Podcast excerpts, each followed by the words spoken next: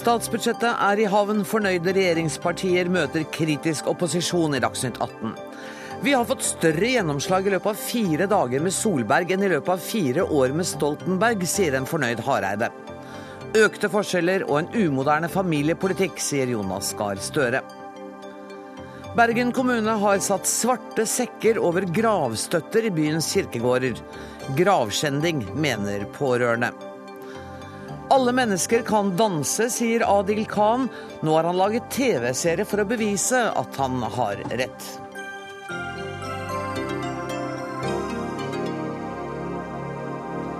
Dette er fredagsutgaven av Dagsnytt 18, der vi også skal møte Harald Eia, som ikke tror det skal bli umulig å lage teater av Karl Ove Knausgårds sekspinnsverk Min kamp. Men først, det er nesten eh, skremmende fullt i studio her eh, akkurat nå. Vi får gjøre hva vi kan, for det skal dreie seg om politikk og penger.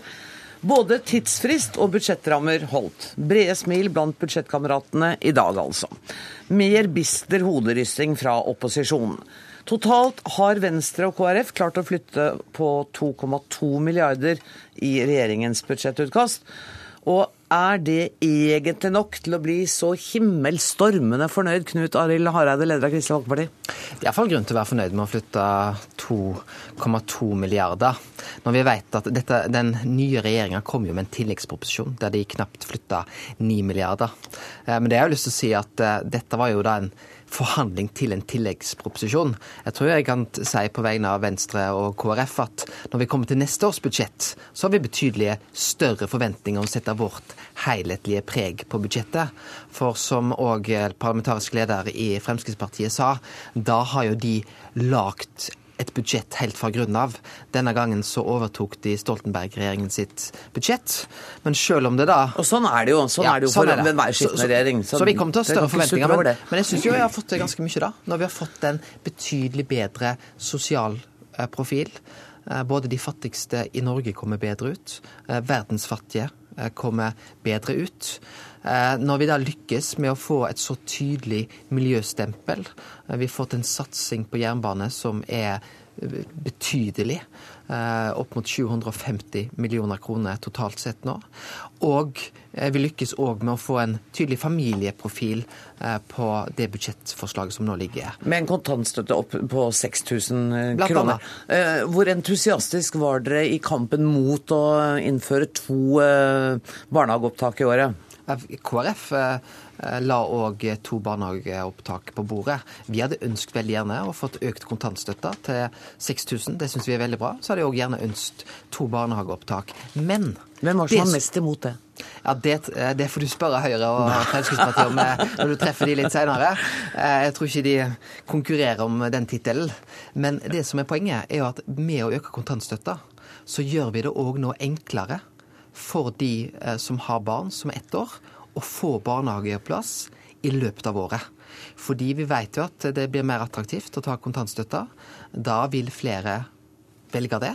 Og da blir det òg enklere for de som ønsker en barnehageplass eh, å få det. Så det er en vinn-vinn-situasjon. Og det viktigste er jo valgfrihet. At mm. det er familiene som nå får lov til å bestemme.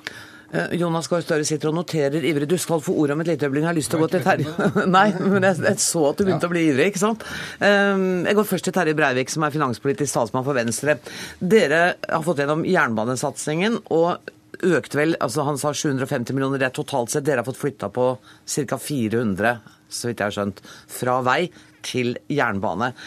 Har dere da også fått gjennom det som dere syns var viktigst?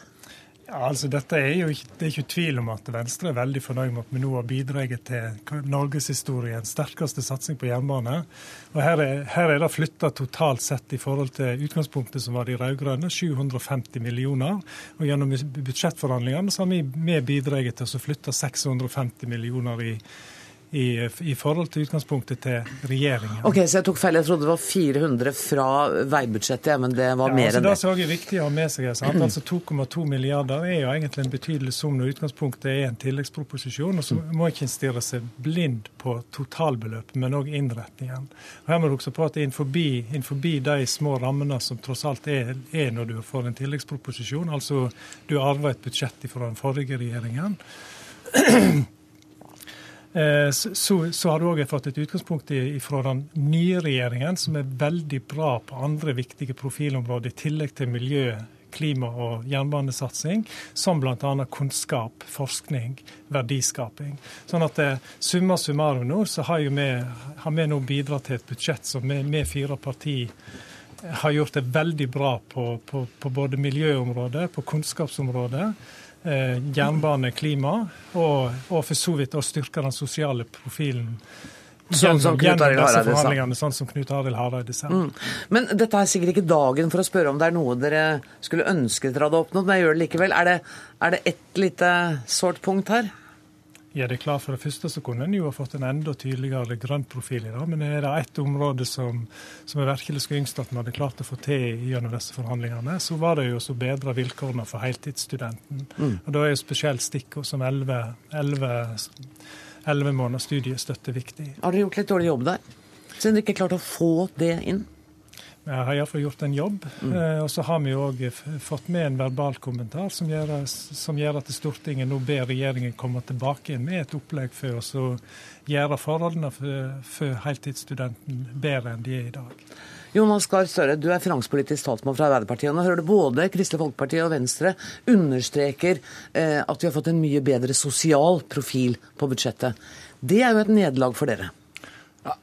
Det er eh, noen av de tilleggspunktene som jeg godt kan nikke til. Altså jernbanesatsing, eh, el, eh, kunnskapssatsingen for lærere i forrige eh, budsjett. Disse har jo hatt mer penger til disposisjon. Bare innenfor det man sier er sånne justeringer av statens inntekter, er det et rom som vi kommer til å illustrere hvordan vi vil bruke, før vi begynner å bruke fremtidens pensjonspenger, som jo regjeringen har gjort. Men, så, så, det bør vi ikke krangle på. Det som ble gjort her nå, så var hver fjerde krone som er flyttet på, er reversering av kutt fra vårt budsjett, har jeg sett. Eh, Dvs. Si altså at de har brukt en del, disse to her, eh, krefter på å reversere det Høyre og Fremskrittspartiet ville eh, kutte hos oss. Kultur, tiltak for industrien, en del slike andre områder. Så på det sosiale, vel, det at vi er tilbake på bistandsnivå, det er, vi er tilbake der vi var. Det er bra. Mm -hmm. Jeg er jo ikke helt enig i at dette er bra familiepolitikk. Jeg mener at det at Du sa den er umoderne, har du sagt tidligere? Jeg mener det er umoderne, fordi det som, det som skjer nå, er at det blir vanskeligere for en del foreldre å få ungene sine i barnehage. Dyrere og vanskeligere tilgjengelighet. Det er dårlig integreringspolitikk. De har budsjettert med at flere kvinner skal være hjemme. Det står i det forrige eh, budsjettet. Eh, og summen av det mener jeg svekker både velferden og det vi kaller arbeidslinjen. Men la oss ikke glemme hele programleder at hovedkjennetegnet ved dette budsjettet det har ikke vært diskutert i denne runden. Det er nemlig skattekuttene. Det er de som står fra forrige fredag. Så den store pengesatsingen her er jo på å kutte skatt. Og det vi har spurt om i denne uken til Finansdepartementet, for det har vi anledning til, det er hva er fordelingseffekten av disse kuttene? Mm. Og det bekrefter jo da at for folk med midlere inntekter, så er det 50 øre om dagen. Og for de som tjener eh, over 2 millioner, så er det 40 000 i året. Og, og, og de tingene der er ikke et budsjett i sosial retning. Det, er, det, er, eh, det begynner kanskje beskjedent, men det er en retningsvalg som regjeringen har valgt. Jeg tror ikke mine nødvendigvis, ja, iallfall ikke KrF, eh, bifaller det veldig åpent. Men det blir interessant å følge om de kan få foten på bremsen i det i framtiden. Denne runden her blir litt som speeddating. altså Dere skal si fryktelig mye på kort tid. Og jeg må, jeg må slippe til Trygve Slagsvold Vedum. For du er heller ikke helt fornøyd. Du har sagt at du sitat, undrer deg over at KrF og Venstre ikke har greid å flytte mer enn drøyt to milliarder. Ja. Men de har jo hatt begrensa med tid, da. Ja, men altså, punkt én, så noe av hovedøfta de har gjort, er å reversere de kutta som Høyre Frp gjorde det rød-grønne opplegget. Ja, det er, det er jeg glad for. Sagt, ja. Og så er det ca. halvannen milliard da med nye satsinger. Og det er ikke mye på et budsjett på 1500 milliarder kroner å flytte på halvannen milliard, som er måte, nye ting som KrF og Venstre løfter opp. Og Det er skuffende lite. For mange av de tingene KrF og Venstre løfter opp, ligger nærmere Senterpartiet enn det Høyre og Frp velger å løfte. Og så er det det som jeg syns er litt skremmende med budsjettet, er bl.a. det som skjer på arveavgift. For de har ikke satt seg godt nok inn i effekten av det. på hvordan det slår ut for næringsdrivende. For veldig mye av de skattelettene vi ser i det opplegget her, det går veldig bra for privatpersoner. Men det slår veldig uheldig ut for små næringsdrivende rundt omkring i hele Norge. Og når vi har spurt Finansdepartementet om hvordan det slår ut, så har de ikke regnestykket ennå. Men kan ikke du bare forklare, ja, hva, forklare meg hvorfor eh, kan fjerning av arveavgiften slå så gærent ut for små bedrifter og for bønder f.eks.? Ja, og det har heller ikke Siv Jensen forstått, tydeligvis, når hun la fram forslaget. Og det er det som er problemet. for at man har også fjerna muligheten Man har endra reglene for hvordan du kan avskrive verdier i en bedrift. Og når man man har endra reglene for når man kan avskrive reglene i en bedrift, så har du fått mindre å avskrive, og det gjør at du får høyere skatt hvert år etter at du overtar bedriften. Jeg skjønte ikke det heller. Ja, du- det betyr har- at bedriften Ja. sånn sett blir mindre verdt fordi arveavgiften forsvinner. Ja, Det som skjer i dag, for å bruke to ord på Takk. det Hvis du f.eks. er en taxisjåfør og du skal overlate den taxien til sønnen din, Ja. så har du avskrevet den taxien som kanskje er verdt 30 000 i skattepapirene. Mm. Men når du overtar den, så kan da sønnen din da verdsette den på nytt og si at markedsverdien er 150 000. Så begynner han å avskrive det fra 150 000, og det gjør at den som overtar en bedrift, får mindre skatt de første åra. Og det er lagd for en starthjelp for enkeltpersonsforetak rundt omkring i hele Norge. Og den muligheten har nå Høyre og Frp fjerna. Og KrF og Venstre de ønsker det ikke, men de har liksom blitt med på det likevel. Og når vi har spurt Finansdepartementet om de har beregna virkningen, om de har oversikt over virkningen, så svarer de nei på det. Og det er skremmende når det er over 200 000 enkeltpersonsforetak som sannsynligvis får høyere skatt, at ikke Finansdepartementet vet konsekvensen av et så dramatisk og så stort forslag. Da må Hareide og, og Venstre også få lov å svare på det. det er Hareide først. Ja, for Det er litt spesielt, syns jeg, å høre når Senterpartiet klager over at det, det blir for mye skatt på næringslivet. Når det er nettopp det er en av hovedsatsingene i dette budsjettet her, er å redusere skatte- og avgiftene. Men det vi har sagt når det gjelder arveavgifter Jeg tror det norske folk de er generelt glad over at arveavgiften forsvinner. Men vi har sagt vi skal se nettopp på den type virkninger, eh, spesielt for landbruket. Eh, Og det skal vi gjøre fram mot revidert. Okay. Det er et så- arbeid som vi ikke kan gjøre på tre dager. Men dere er innser at dette kan bli et problem ja, her? og det skal vi okay. se på. Men så har jeg lyst til å si, den saken som jeg er aller mest fornøyd med å få gjennomført i dag, det er jo ikke noe kutt som er på bakgrunn av det som Solberg-regjeringen la fram. Ja, Det er jo et kutt som ligger der fra Stoltenberg-regjeringen. Det er nettopp pleiepasienter. Det er unge trafikkskadde i kommunene, der det lå et kutt på mange hundre millioner fra Stoltenberg-regjeringa. Det handler om sosial profil. Og så har jeg lyst til å si til Jonas Gahr Støre jeg tror ikke det er så umoderne at familier får lov til å velge sjøl. Det vi gjør nå, er at eh, vi gir familiene muligheten til å velge eh, om de ønsker eh, å være hjemme, ønsker å være i jobb. Og Hareide, vi gir akkurat, den der, muligheten akkurat den argumentasjonsrekka har vi hørt før, og du er på speed Ja, men det er virker ikke som du helt eh, har nådd helt fram ennå, Vi er nødt til å gi ordet til Breivik. For at det er interessant å se at dere har lyst til å snakke om forskjellige deler av budsjettet. Opposisjonen vil snakke om skatteletter og arveavgift, mens dere har ikke nevnt det. Er det et problem at eh, skattelettene og arveavgiftene gir for store utslag, større enn dere hadde regna med? Skattelettene, altså hov, Hovedeffekten av skattelettene som nå ligger i budsjettet, er jo punkt 1 altså motverke todelingen i økonomien. Altså gjøre det betydelig enklere for, for, for næringslivet. Og så plø- altså beholde overskudd og, og midler i og midler og verdier i bedriftene. Hvis du skal tilbake til liksom de, den store kritikken nå fra begge, begge partiene som sitter på, på hver sin side av meg, så er det ikke tvil om at de virkelig største andelen av midlene som nå er omprioritert gjennom disse forhandlingene, er jo brukt nettopp for å bøte på ting som de har forsømt i sin regjeringstid. Bl.a. et eh, etterslep og vedlikehold på jernbane som er utrolig tungt å ta igjen. Sånn De har helt glemt at skal du få nye skinner, så er det en forutsetning at du har pukk og sviller å leie de på. Så det har vi brukt de store pengene på. Og punkt to, vi har jo brukt en, en kvart, kvart million på å rette opp igjen det som virkelig er et helt uforståelig kutt, nemlig som Hareide sier, altså i den såkalte tilskuddsordningen for ressurskrevende brukere ute i kommunene, som går jo direkte på ei Du har mista meg for lengst. Er- det er for detaljert. Poenget er at du mener at det som nå er gjort av skatteletter og fjerning av arveavgift, er til det beste for folk flest. Helt riktig. Ja. Men, er kan jeg få kommentere det? men Problemet til KrF eh, og Venstre og Høyre og Frp er at man har ikke satt seg inn i hvordan det slår ut for næringsdrivende. Og det bekrefter Finansdepartementet. Og sånn går det ikke an å drive seriøs skattepolitikk på. Nå bare gjentar du hva du sa i stad. men Da må jeg gi ordet det, til-. Vi har sagt vi skal se ut, på dette. Men, men du må ikke innføre til- det først, og så på det etterpå. Men det, men det spesielle, som Trygve Magnus har helt rett i, dette begynner å gjelde fra 1. Og de skal utrede frem til sommeren og senere, så det er et problem. Men la meg si det med skatten. Vi spurte Finansdepartementet. Vi har gjort lettelser i arveavgiften, lettelser i formuesskatten, men med en annen profil. Vi spurte Finansdepartementet hvilken effekt har det for økonomien at vi tar bort arveavgiften. Er det en stimulans for økonomien? Det er nesten lik null. Har det en effekt for næringslivet generelt at formuesskatten eh, blir redusert med ett poeng? Meget, meget begrenset. Dette har altså etter min mening så vil eh, eh, senkningen i perso- personbeskatning gi deg og meg noe mer kjøpekraft. Det går inn i en beskyttet del av økonomien. Det er ikke til en fordel for den såkalte todelte økonomien. Og Hareide og Breivik skal få et kompliment her. Det var at de klarte å reversere det eh, Høyre og Fremskrittspartiet ville gjøre med den delen av industrien vår som produserer med ren kraft. Mm. De skulle kompenseres for det at de faktisk sa ikke drive med kull. Det var jo et ramaskrik i industrien.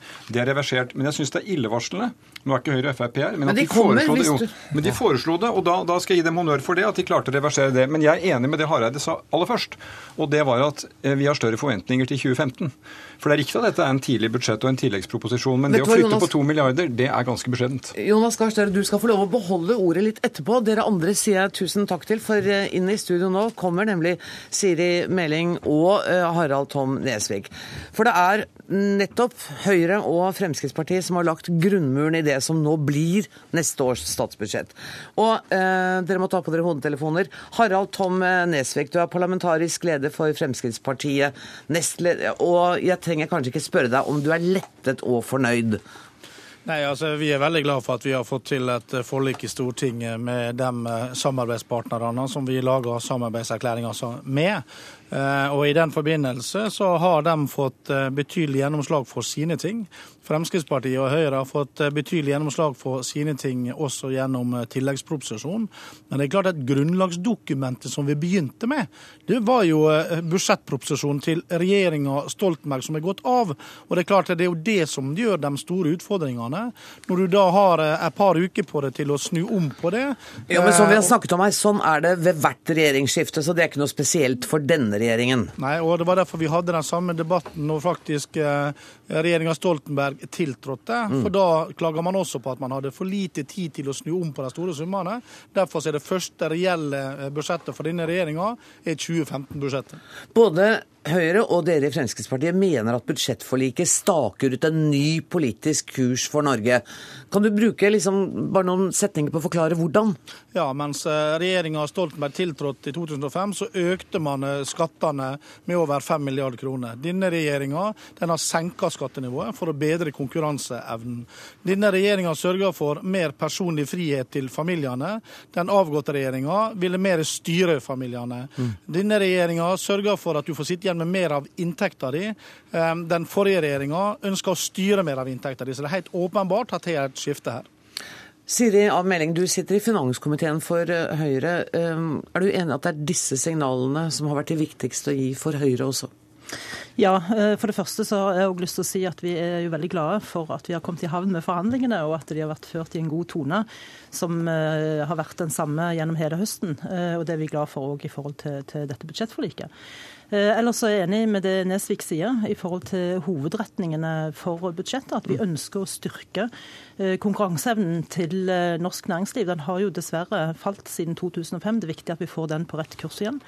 Og det å gi mer frihet til familiene, til personer, er òg viktig for både Høyre og Fremskrittspartiet, men òg Kristelig Folkeparti og Venstre. Og det forliket vi nå har fått, støtter jo opp om denne retningen som vi er enige om sammen, og som velgerne òg har gitt oss tillit til.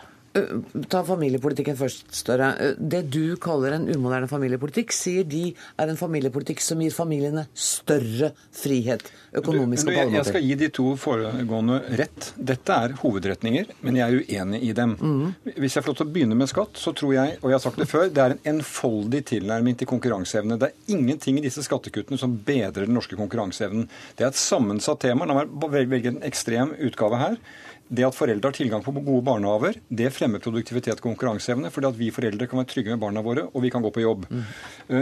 Så da mener jeg at den tilnærmingen ved å si at hva er spørsmålet, svaret er skattekutt, det er liksom det som går hele veien. Vi har ikke økt skatten for vanlige folk. Vi har lettet skatten for vanlige folk. Men i 2005 var det mange med mye inntekt og formue som ikke betalte skatt. De hullene har vi tettet.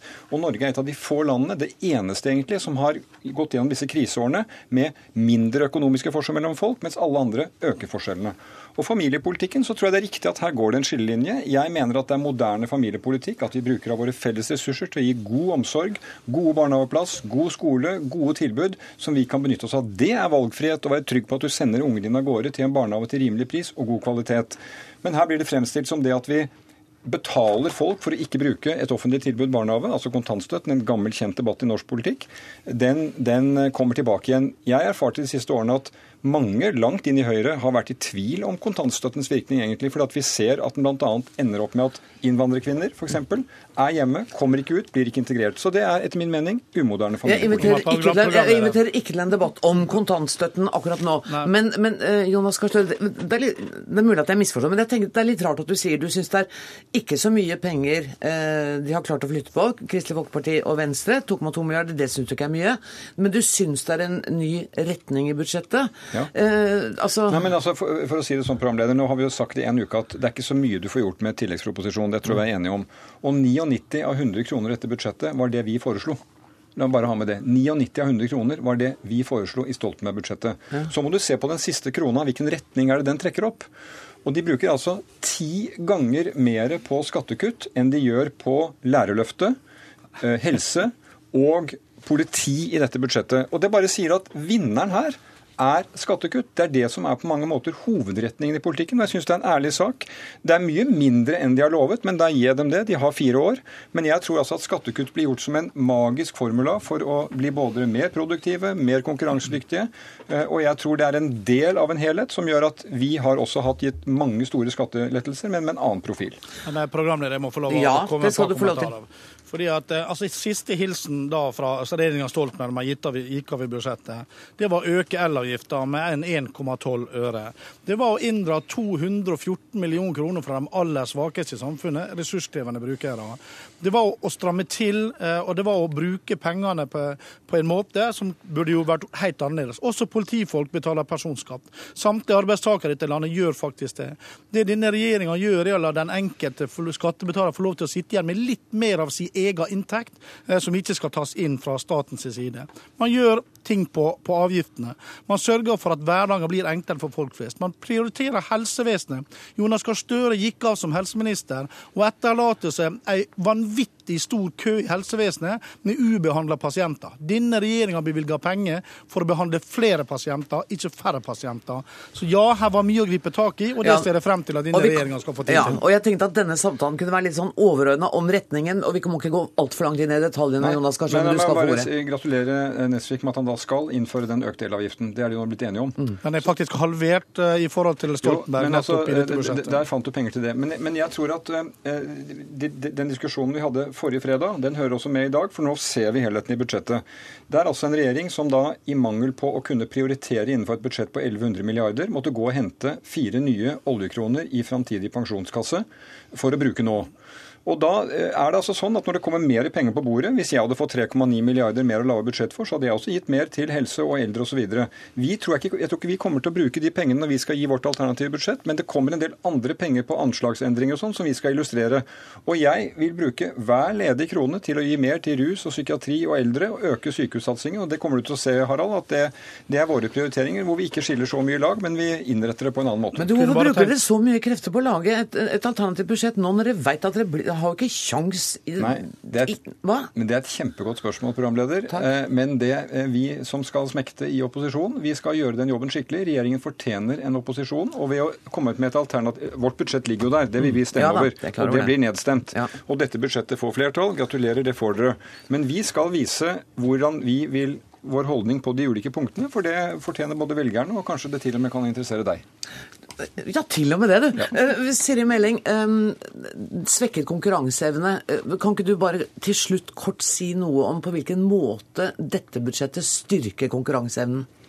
Ja, eh, De skattelettene som Støre kritiserer, har jo velgerne faktisk sagt at de ønsker i, i forhold til resultatet av valget. Ja. Vi tenker at disse skattelettene er med på å styrke konkurranseevnen til norsk næringsliv.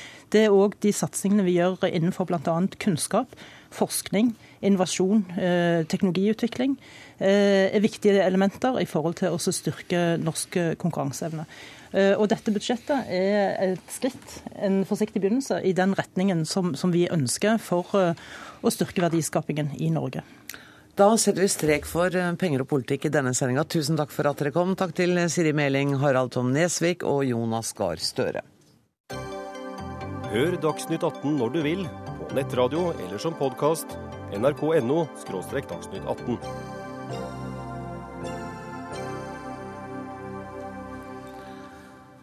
Det skal være et kraftig temaskifte i Dagsnytt 18. For et noe dystert syn har møtt kirkegårdsbesøkende i Bergen den siste tiden. Mange gravminner er pakket inn i svarte sekker med en hvit lapp, der pårørende blir bedt om å kontakte kirkevergen. Målet er å finne ut hvem som har ansvaret for den enkelte graven, og dette har fått mange til å reagere kraftig, og en av dem er deg, Tor Øyvind Jensen. Til vanlig er du førsteamanuensis ved Universitetet i Bergen, men du føler deg berørt av dette? Ja, det er noe med når man går og skal sette lys på gravene som hører til familien, så er det noe med hele kirkegårdsstemningen. Det skal jo være en viss verdighet, og, det er jo som, som regel som, som, liksom passer. Mm. Så jeg hadde ikke tenkt så mye over det, men jeg reagerte veldig på det når jeg så det og tok et bilde, og det havna på Facebook. Og siden har jo mediene vært eh, kokende, og veldig mange har reagert. Ja, for det var ganske Det var ikke liksom bare én grav som hadde fått en sekk over seg? Nei, nei, det så jo helt dystert ut. Det var, var veldig mange. Og så var det nok, virka nokså demonstrativt med sånne svarte sekker som gjemte informasjon om, om, hvem dette var. Og det var festa profesjonelt og strappa på. og det, det så ikke bra ut. Ligner jo på søppelsekker.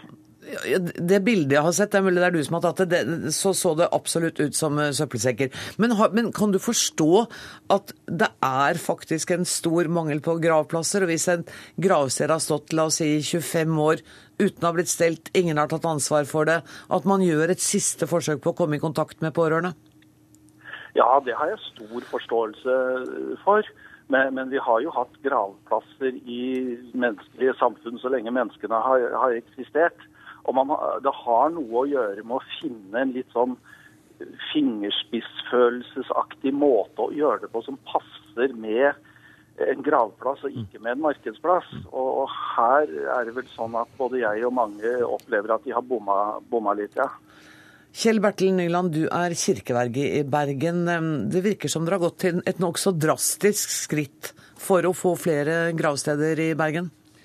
Ja, det kan vel tyde på det.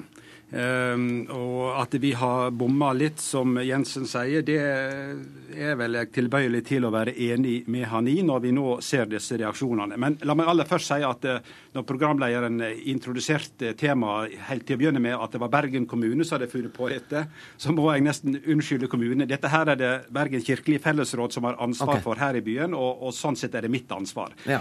Men, eh, men jeg, jeg, tror eh, jeg aller først må bare si at det, det er nok ikke det glupeste vi har funnet på når det gjelder å, å komme i kontakt med en mulig juridisk eier av grava. Mm. Så dere kommer til å slutte med det? Vi, eh, vi, er allerede godt i gang med å tenke kreativt. Hvordan kan vi gjøre dette på en annen måte? Men, men vi er nødt til å finne en ordning. For enhver grav må ha en juridisk eier, både av sikkerhetsomsyn, av estetisk omsyn. Og i Bergen mangler vi fortsatt kring 15 000 juridiske eiere av gravene.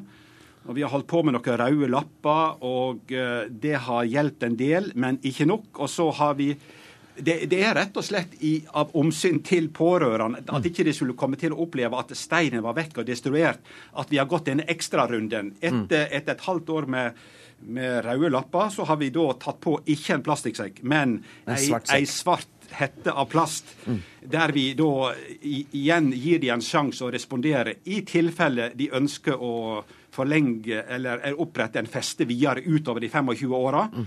Og hvis ikke, så kan de da heller få gjenbruke graver, og det er et akutt behov i en by som Bergen. Og det er sikkert et akutt behov i Oslo også. Robert Reit, du er kirkeverge i Oslo.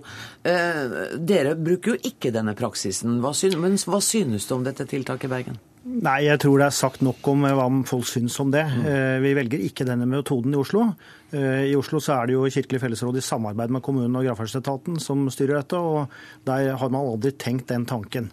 I Oslo så gjøres det ved at man setter en liten lapp ved siden av, og i den grad ikke det fungerer, så tar man bort stenen etter en tid, men lagrer stenen en periode, og så Eh, destruerer man det da når det har gått eh, en lengre tid. Ja, for er det sånn at Har jeg som etterlatt juridisk eierforhold til det gravstedet så lenge jeg også lever, hvis jeg ikke gjør noe for å opprettholde det? Ja, altså det, det er jo festetider, og dette er jo litt ulike tid for Ja. eh, kistegrav og dette. Eh, Det er mer teknisk, eh, men slik er det, ja. Mm. I Oslo så har vi ganske godt styr på hvem som er eiere. I Bergen hadde de et litt større antall. I Oslo har vi bare rundt 8000 som vi mangler for hele byen. Slik at dette er egentlig ikke et så stort problem i Oslo som det tydeligvis er i Bergen. Men du, når dere setter opp de lappene, for de er jo når den første festetiden er utgått, eller man må begynne å betale, si fra om man vil betale mer. Ja, altså Når man mangler da den som skal få regningen, for å si det sånn. Ja. ja. Er det en stor Da skriver dere på lappen at eh, man bes kontakte Kirkeveien. Nemlig, ja. Er det stor prosent av folk som da melder seg? Nei, det er, Mange av disse gravene blir jo bare stående. øh, og Det er en varslingsmåte, men en del tar jo kontakt når de oppdager dette. sånn at det er så langt, i hvert fall i Oslo, vurdert som håndterbart. Eh, Nyland, hva tenker du? Når du hører på at Oslo klarer seg, de har altså 8000, dere har 15 000. Det er kanskje et annet opprydningsarbeid dere må gjøre først? Ja, eh, utfordringen er nok noe ulik, eh, og vi er godt i gang. Vi hadde over 20 000, nå er det 15 000 igjen. Vi har fått, vi har fått orden på 5000, enten ved at folk har meldt seg ved røde lapper. Jeg tror det er kring 700 som responderte gjennom de siste seks-sju år på disse lappene våre. Og, og de øvrige 3500 eh, meldte seg ikke, og da har grava kunnet blitt eh, gjenbrukt. Men det vi kan men slå men fast, vært jeg må dessverre sette strek her nå, men det vi kan slå fast er at dere tenker nytt, og det kommer ikke til å bli en varig ordning med sorte plasthetter over gravsteder i Bergen. Nei, det kan jeg love. Vi skal finne på noe veldig mye lurere. Ja, men Tusen takk for at du var med, Kjell Bertel Nyland, Robert Wright og Tor Øyvind Jensen. Hvis vi klarer dette her, så tror jeg vi kommer til å få det veldig, veldig bra. Det ser litt komplisert ut, men ikke noe problem. Vi burde klare det. Ja, Dette kan vel karakteriseres som rollespill på en måte, det òg. I hvert fall jeg kommer til å gå inn i en rolle som jeg aldri har vært i før. Så jeg kommer nok til å merke det i kroppen, men det er en god smerte. Gå. En. De svetter, de stønner, enkelte gråter, men danse på TV, det gjør de. Slapt og urytmisk så vi nesten rødmer i sofaen. Men så, den store metamorfosen. Melsekken er blitt energibunter på scenen og på skjermen. De er Adils hemmelige dansere, og velkommen hit, Adil. Tusen takk, Anne. Det har vært eh, jeg holdt på å si en blandet glede. Det har vært en rar glede å følge serien om dine hemmelige dansere. Og ditt, din påstand var alle kan danse. Ja. Ja. Du, ja, jeg står for det enda. Jeg har jo bevist det fire episoder, er det ikke det? Jo, du har det. Jeg har jo sagt tidligere at jeg mener at det er en del av vår natur. Mennesket er født sånn. Du setter på musikk, barn danser. Eh, Vi har blitt trent opp til å gå vekk fra det her, da. Den der indre gleden. Og det er der dans har deg med på den reisen. da. Du må inn i kriker og kroker og kjenne på andre ting. En ting er å lære seg trinn. Det kan absolutt hvem lære seg, men når du skal performe, når du skal levere en vare, når du skal ta med publikum på en reise, da er det viktig at du har tatt din egen reise også. Det som er spesielt med dette programmet, som kanskje gjør at det er så fascinerende, er at de som er med her, er ikke sånne som har vist seg som spesielt talentfulle amatører eller noe sånt. Noen av dem har aldri dansa. Ja. Ja, du har rett i det. Eh, Jeg har jo egentlig bedt om det, castingavdelingen castingavdeling på Rubicon, at eh, gi meg verstingene, da. Gi meg de som folk virkelig sier at den, den, den personen her kan ikke danse. Og derfor vil jeg motbevise det, da. Men du gjør jo veldig mye mer enn å danse i disse programmene. N- I går så jeg da, tenkte jeg, er det kanskje sånn at dansen ikke er det aller viktigste her? Du, jeg, eh, folk sier at det er et danseprogram, men eh, vi jobber på et dypere plan. Og eh, sånn jeg ser på det, så er Samfunnet, systemet og politikerne har ballegrep på oss. De, eh, de styrer oss med å gi oss dårlig selvbilde, og da går man ut og kjøper anti-rynkekrem og de tingene. Og jeg er imot disse systemene her. Jeg er et opprør mot det, og måten jeg er det på, er ved å spre kjærlighet, er ved å hjelpe en som kanskje sliter med å få jobb, sånn som fra episoden i går. Det kan være ved å gi et smil, det kan være ved å bare spre positiv energi og si til mennesket du er nok. Det du er, er nok. Det faktum at du åpnet øynene i dag og så sola, det at du kjenner regn på kroppen din, det er nok. Slutt å lete etter glede på utsiden. Finn det inni deg selv, da. Og eh, det, er liksom, det tar jeg med meg inn i dette showet og alt jeg driver med, da. Er det grenser for hva du kan snakke med dem om? Er det noen steder hvor du tenker dette blir for privat? Nei, jeg har ikke noen sånn grense for det. Eh, Vi er mennesker, og vi har alle opplevd ting. Eh, Enkelte av oss tør å dele det. Andre har i en oppdragelse sin kanskje ikke fått styrken til å dele det. Og hele Prosjektet og mitt møte med disse danserne handler om å skape en, eh, altså trygge omgivelser, et sted hvor de kan åpne seg. Fordi igjen, jeg sa dans, du må dypt inn. Og for å gå dit, så, eh, så må du ordentlig inn. Og nå husker jeg ikke hva du spurte om engang, så da Jo, det gjør egentlig ikke jeg heller. Men, men kan du øh, Det er jo noe med den der energien din som blir jeg, jeg mister nesten hva jeg har tenkt å spørre om. Mm. Er det noen som har bedt deg dempe den energien der på noe tidspunkt? Jeg har vel fått beskjed innimellom at jeg klemmer for mye. Så det er sånne ting hører jeg. Ok. Eh, Jeg er veldig kanskje unorsk. Jeg liker å snakke og, og dialog, og, og det er lov. Eh, Men som sagt, da, det, det jeg er mest fascinert av, er at eh, den følelsen som gir oss størst glede av alt i livet, er kjærlighet, og kjærlighet er gratis. Det å smile koster ikke, det er ingen som sender faktura. Så det, det er den energien jeg tar med inn i showet. da. Jeg vil at disse folka skal føle seg trygge og få en scene å stå på, og komme i kontakt med noe som er litt dypere. For så å blomstre. Ja, for det, sånn ser det jo ut. Og så tenker jeg, er det mulig? Får du bedre selvfølelse av å være gjennom en sånn prosess som det der? Hjelper dans deg til det? Jeg, jeg mener at det gjør det. fordi eh, som jeg sa i begynnelsen, eh, det er en del av vår natur. Det er et savn der. Eh, Det er en grunn til at selv om vi drikker alkohol, så er fortsatt dansegulvene på byen fulle. Eh, Det er et sånn på et ganske dypt nivå så er det et savn der. da. Og eh, så klart, Det er ikke alle som trenger det. I går var det kjære Valentino som sleit litt med å få jobb, og det, det er en situasjon jeg selv har vært i.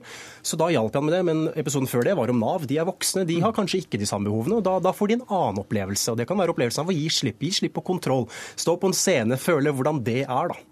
Jeg ser på, fordi altså, Hver serie de trener i tre uker. Så skal de fremføre det for familie og venner og kolleger. Og Da ser jeg noen ganger at du er ganske nervøs du var før den forestillingen. Er det skuespill? Nei, Øh, jeg du, jeg, jeg er som sagt følelsesmenneske, det tror jeg du forstår, Hanne. Og, og det er eh, de premierenervene jeg selv har kjent hver gang jeg skal på scenen, før, jeg, før kameramann sier action, alt det her. Er, de er en forlengelse av meg. Da. Så når de står på scenen, så er det også et løfte jeg har gitt de. Jeg lover dere, dere kommer ikke til å drite dere ut. Jeg har ryggen deres. ok? Og det, det, det kjenner jeg også på. Og eh, når de står der, så blir de som mine barn, da.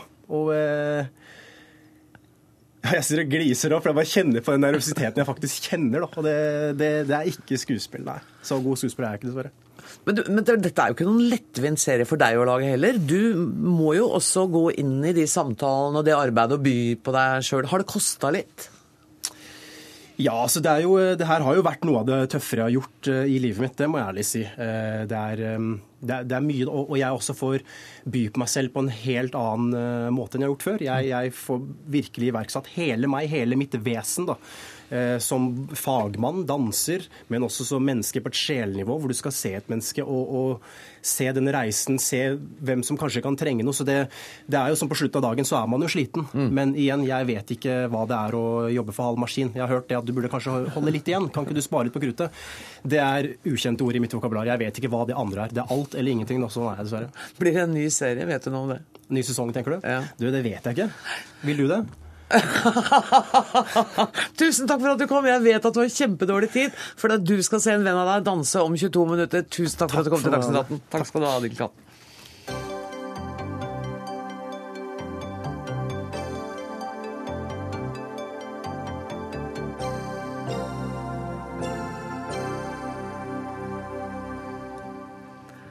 Skarpere konkurranse vil føre til bedre forskning. Det mener NHO, som vil innføre nasjonal konkurranse i akademia. Tore Li, seniorrådgiver i NHO. Du er en av hjernene bak dette forslaget. og Hensikten er altså, sånn som jeg har skjønt det, at dere vil ha en ny finansieringsmodell for forskning. Hvorfor det? Jo, altså For å forklare modellen litt. altså Vi ønsker at en større del av den statlige grunnfinansieringen eh, av, av forskning ved universiteter og høyskoler, at, at det skal skje på eh, grunnlag av konkurranse mellom universitetene og høyskolene. Det er det ene. Og det andre det er at vi da ønsker at den konkurransepotten eh, bør deles inn på, i fem deler, hvor det er fire fagområder. Man nesten ta de. Eh, naturvitenskap og teknologi, medisin og helse, eh, samfunnsvitenskap og humaniora. Også en åpen klasse for å fange opp de prosjektene prosjektene som eh, faller mellom faglige stoler. Hvordan praktisk skal den konkurransen gjennomføres? Eh, Da vil det skje på basis altså For det første så må jeg si da om den, der, eh, den inn- inndelingen i, av, av, av den konkurransepotten må da politikerne eh, avgjøre fordelingen av. For, f.eks. for eksempel for en fire-fem år. Og så, innenfor de fagfeltene, så er det ren, rene vitenskapelige kriterier som skal, som skal telle. Og da er det håper jeg, det som man sier innenfor stammespråket fagfellevurdering. Altså at det er forskere som håper jeg, vurderer andres, andres, andre forskere. Eh, Hele bakgrunnen for dette må jo være at dere syns at forskningsnivået er litt lavt, og at det er litt for lett å få penger. Ja, nei, men Det nei? som også trigger det, er at vi syns at uh, Vi mener at uh, med, med fordel så kan kvaliteten på den forskning vi har ved våre universiteter og høyskoler, uh, bli bedre. Og Det er vi jo ikke alene om å mene. Det har den siste stortingsmeldingen om forskning også for så vidt vært inne på. Og så er det jo et annet element for NHO. Det er at vi ser at, at naturvitenskapenes og teknologifagenes andel av universitets- og høyskoleforskningen er veldig lav. Det er rundt 30 mens næringslivet har stort behov for, for eh, kompetanse og forskning innen akkurat disse fagfeltene. fagfeltene. Så Derfor så har vi da antydet at uh, i dag så burde, burde, hvis man etablerte en sånn pott, så burde 50% av den gå til naturvitenskap og teknologi. 50% til naturvitenskap og teknologi. Eh, Skal vi si det, vi begynner et annet sted. Uh, Ole Peter Ottersen, du er rektor ved Universitetet i Oslo. Er ikke konkurranse sunt, da? Konkurranse er eh, helt avgjørende for kvalitet. Så da er vi enige om at dette er det Men det som eh, denne rapporten ikke helt har fått med seg, er jo hvor enormt mye konkurranse det er allerede. Det er jo slik at eh, få andre sektorer er så utsatt for konkurranse som, alt, som akkurat forskning. Og spesielt faktisk innenfor de feltene som nå Tore Lie nevner, altså naturvitenskap og teknologi, så er det enormt mye konkurranse allerede. Det er veldig uvisst om det vil hjelpe å ha enda mer konkurranse innenfor det feltet. Men hva vil hjelpe, da? For det- dere er vel enige om, ifølge Li, at nivået kan bli bedre? Hvis vi ikke mente det, så burde vi ikke sitte i de jobbene vi har. Vi skal aldri være fornøyd, og vi kan absolutt bli bedre. Og Da er det slik at eh, vi må tenke på oppskrift. Og vi mener nok at det er fantastisk at NHO inviterer til debatt om oppskriften. Men eh, vi er ikke sikre på om NHO har funnet den riktige oppskriften. Men har dere en skisse til en oppskrift, da? Vi har eh, selvsagt mange ideer. Noen av dem er sammenfallende, det skal vi si, med NHOs ideer. Men vi har også mange andre forslag som vi mener bør tas opp på alvor for å se hvordan vi kan styrke kvaliteten. Og én er å styrke internasjonaliseringen. Veldig viktig. Det andre er å ta ut innovasjonspotensialet ved universiteter og høyskoler. Fine ord du kan. Ja, ja, ja. Her, her, det drives mye innovasjon i sektoren, og her er det et potensial som ikke er forløst. Og det tror jeg næringslivet kanskje bør se på som noe av det aller første. Men du, er, er noe av innvendingen din For da jeg så uh, denne pressemeldingen, presseorienteringen om dette, så tenkte jeg men dette, vil dette føre til at politikerne får enda større innflytelse over hvilken type forskning vi skal ha? Og hvor blir det da av den frie forskningen, tenkte jeg i min naivitet. Men det er kanskje ikke en problemstilling i det hele tatt? Ja, nå er det vel tenkt slik, eh, nå må jo eh, Tore Lie svare for hvordan denne modellen er konstruert, men eh, slik jeg forstår det, så vil det jo være slik at man da søker fra, på forskerinitierte prosjekter, og at de ikke som sådan vil true den frie forskningen. Men det som vil være vanskelig, veldig vanskelig, det er jo å se for seg denne fordelingen med en nedvurdering av humaniora og samfunnsvitenskapene. Vi føler jo at næringslivet nå virkelig i mye større grad enn før etterspør samfunnsvitenskap og humaniora. Er ikke det riktig, da? Derfor så føler jeg dette, at de er litt ute av takt med tiden nå. Vi er jo selvfølgelig ikke imot uh, verken samfunnsvit eller, samfunnsvitenskap eller humaniora. Og det er mange bedrifter som har den type kompetanse og folk ansatt. Til og med NHO har sånne folk ansatt hos seg. Uh, men eh, de rapportene vi får fra våre medlemsbedrifter, og det har vært sånn i alle år, det er at man etterlyser mer, mer kompetanse, mer flere kandidater og, og, og mer forskning på naturvitenskap og teknologi. Og det er veldig mange virkemidler som skal bidra til, og bidrar til, at det skjer. Det er ikke bare gjennom si, basisfinansiering eller grunnfinansiering av universiteter og høyskoler. Dette skjer. Det er jo mange andre, vi har jo mange andre øh, si, forskningsinstitutter og mange andre virkemidler også fra Forskningsrådet som bidrar til dette. Men nå har vi i dag adressert på vår konferanse dette med grunnfinansieringen. Og og da skal vi få en reaksjon fra dem som sitter og skal avgjøre dette. Bjørn Haugstad, du er statssekretær i Kunnskapsdepartementet, og du var til stede under presentasjonen. Eh, Få en første reaksjon fra deg. Min aller første reaksjon var at NHO har lykkes veldig godt i å sette i gang veldig gode diskusjoner. Kanskje det beste seminaret jeg har vært på som jeg kan erindre, hvor eh, folk fra både universitetene og høyskolene, brukere, næringslivet, diskuterte dype, viktige problemer om hvordan kvaliteten kan bli enda bedre, og hvordan relevansen kan bli enda bedre av den forskningen og utdanningen som foregår. Og så er det når vi kommer til hvordan definerer vi kvalitet og relevans, at det begynner å bli litt krevende. Men eh, vi syns at eh, intensjonene bak innspillet fra NHO er veldig gode. Og så er det ting ved denne modellen som vil være veldig krevende å gjennomføre i praksis. Ja, for da Når vi kommer til kvalitet og relevans, det er da det blir krevende, sier du. Kan, kan, kan du si litt mer konkret om det? Er du, er du motstander av denne type konkurransemodell som NHO har skissert i dag? Jeg er ikke motstander av uh, overhodet ikke motstander av konkurranse, som Ole Petter Ottersen sa. Det er mye konkurranse ja, men denne allerede. Modellen. Mm. Vi har stort innslag av denne type konkurranse allerede okay. i dag, men da gjennom det som heter Forskningsrådets uh, frie arenaer. Og det å finne balanse, god balanse mellom hvor mye penger som sendes direkte til universitetene og høyskolene, og hvor mye de må konkurrere om, mm. det er en krevende avveining.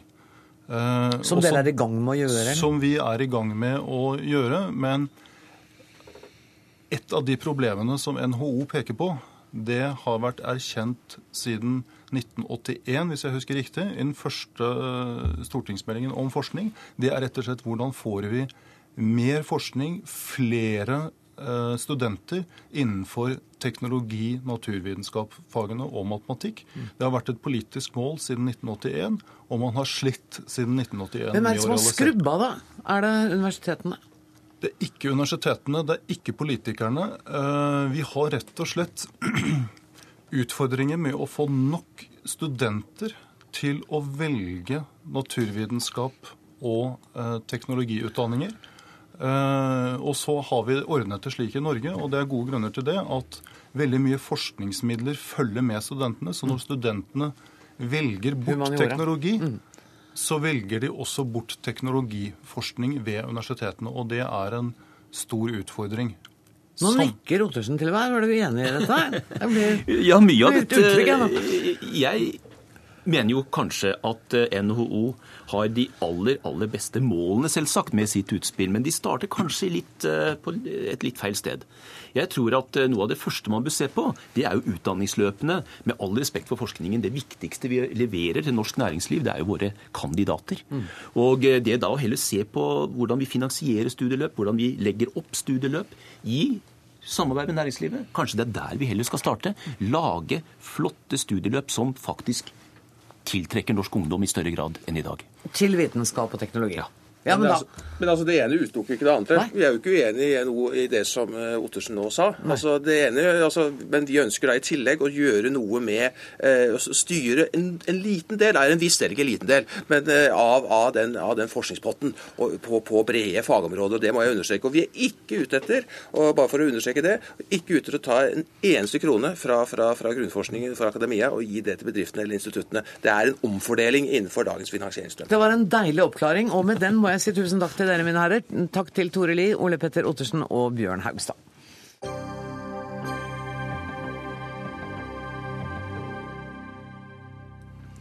Vi skal gjøre flere temaskifter i Dagsnytt 18. Karl Ove Knausgårds romanserie 'Min kamp' skapte voldsomme bølger, som en del av oss husker. Nå skal Nationaltheatret gjenskape sekspinserien til 90 minutters scenedrama. Hjertelig velkommen. Harald Eia, Hanne Tømta. Litt, dere så ut som dere hadde en sånn internsamtale på gang da dere kom inn her. Vi var usikre på hvem som skulle Hvem, hvem er hvem, var du usikker på. Jeg begynner med deg, Harald. Du er manusforfatter. Hvordan går man Du er én av tre manusforfattere. Ja. ja. Og så går du løs på er det ca. 3400 sider? Det er noe sånt, ja. ja. Det skal bli 90 minutter, det. Da tenker vi litt sånn som Hollywood. Hvordan ville de angrepet dette? Ja. Hvordan ville de gått løs på dette materialet? Og er det en sånn historie som Hollywood kunne ha laget film om?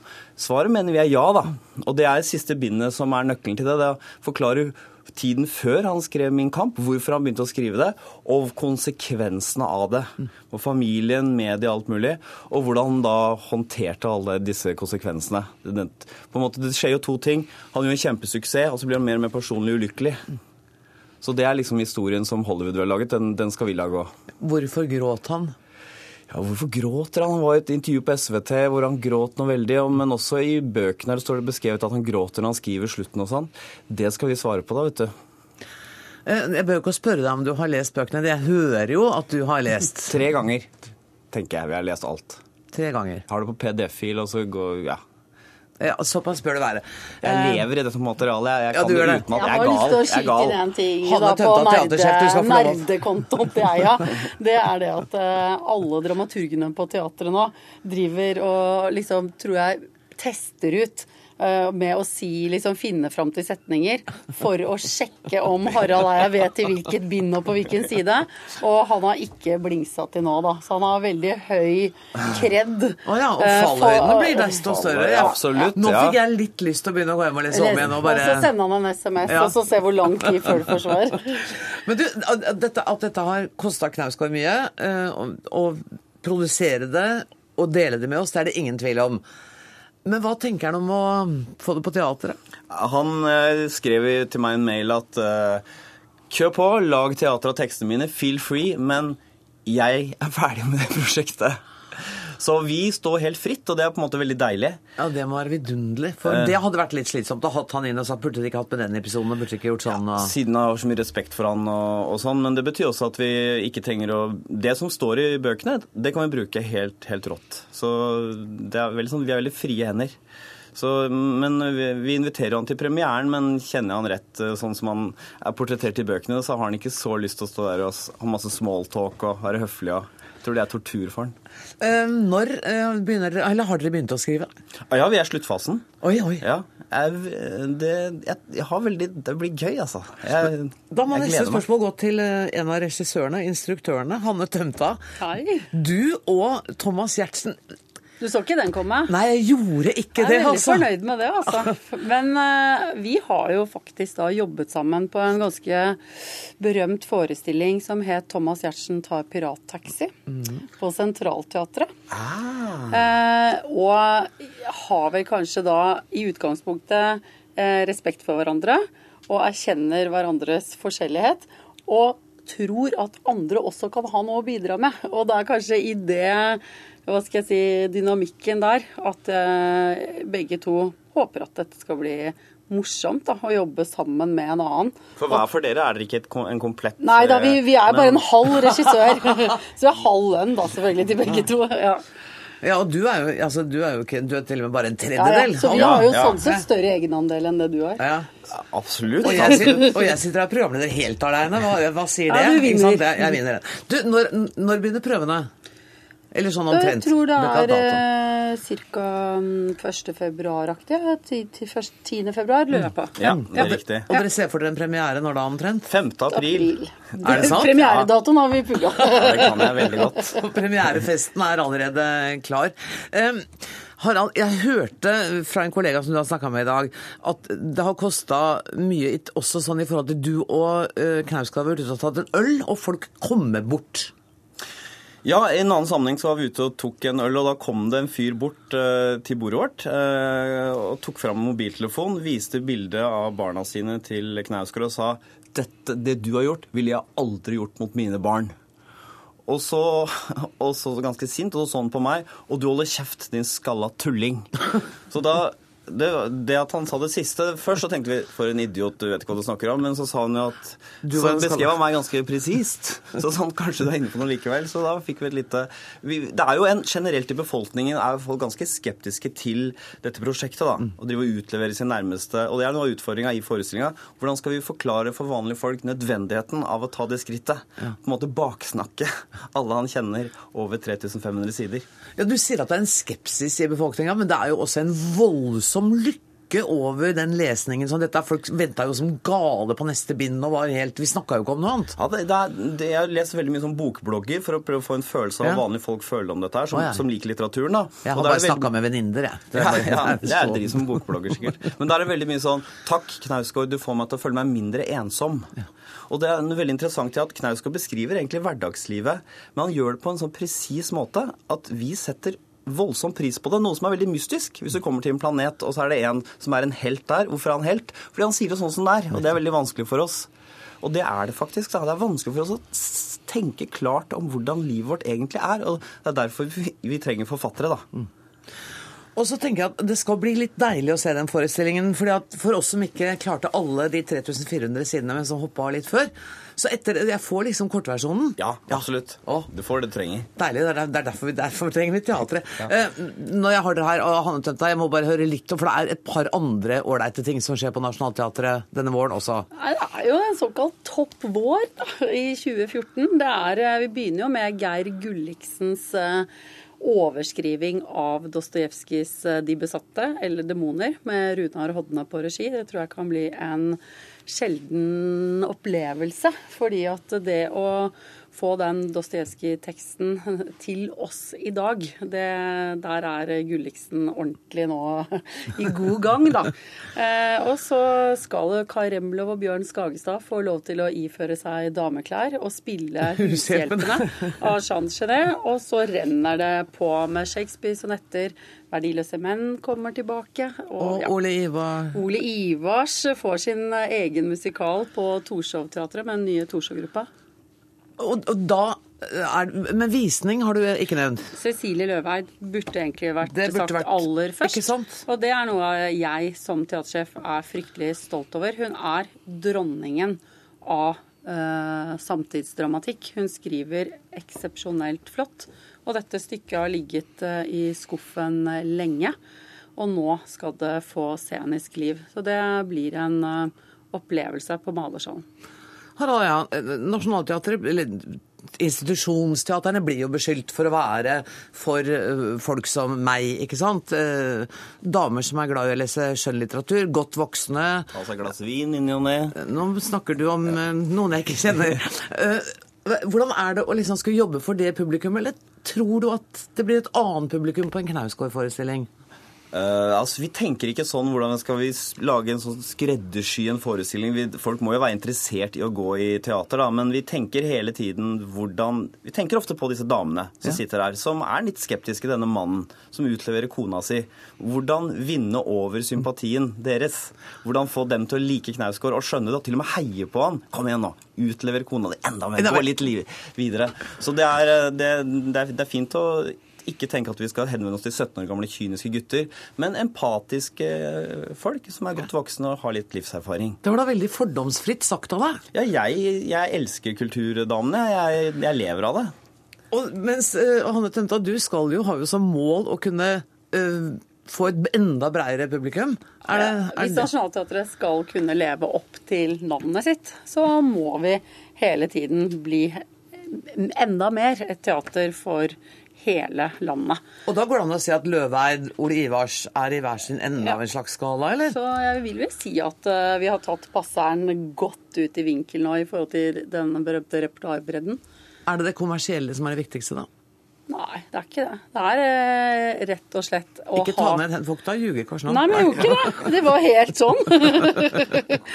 nei, men da er det lomma som var deilig å ha i hendene i. Men eh, nei, det er ikke med utgangspunkt i, i eh, tanken hva er det som kommer til å selge. Det er, vi sitter med en masse ideer hele tiden. Er det ikke gøy å selge mye? Jo, men det er, vi- det er ikke, vi begynner ikke der. Nei, nei, det, er, det, er- det er bare det. nei. Vi må selge. Ja. Ellers så går ikke det teatret rundt. Ja. Men det er, ikke sånn, det er ikke der tanken starter. Det starter med hva hadde vært gøy å lage teater om, eller bra, eller viktig, eller sånn. Men tenker du at det var litt sunt for dere å få litt mindre statsstøtte en periode, så var nødt til å skjerpe dere og kutte av daukjøttet og virkelig lage noe folk vil ha? jeg er heldigvis ferdig med med dagens budsjett. Hvis dere ikke tjener penger, så får ikke du honoraret ditt som forfatter, så det så. Uh, vet dere hva, kjære venner, jeg bare gleder meg til 5. april. Nei, det, er- det får jeg sikkert ikke billett til, men det skal gå lenge. Så det skal vi klare å få med oss. Det skal selge. så- 2015-2016.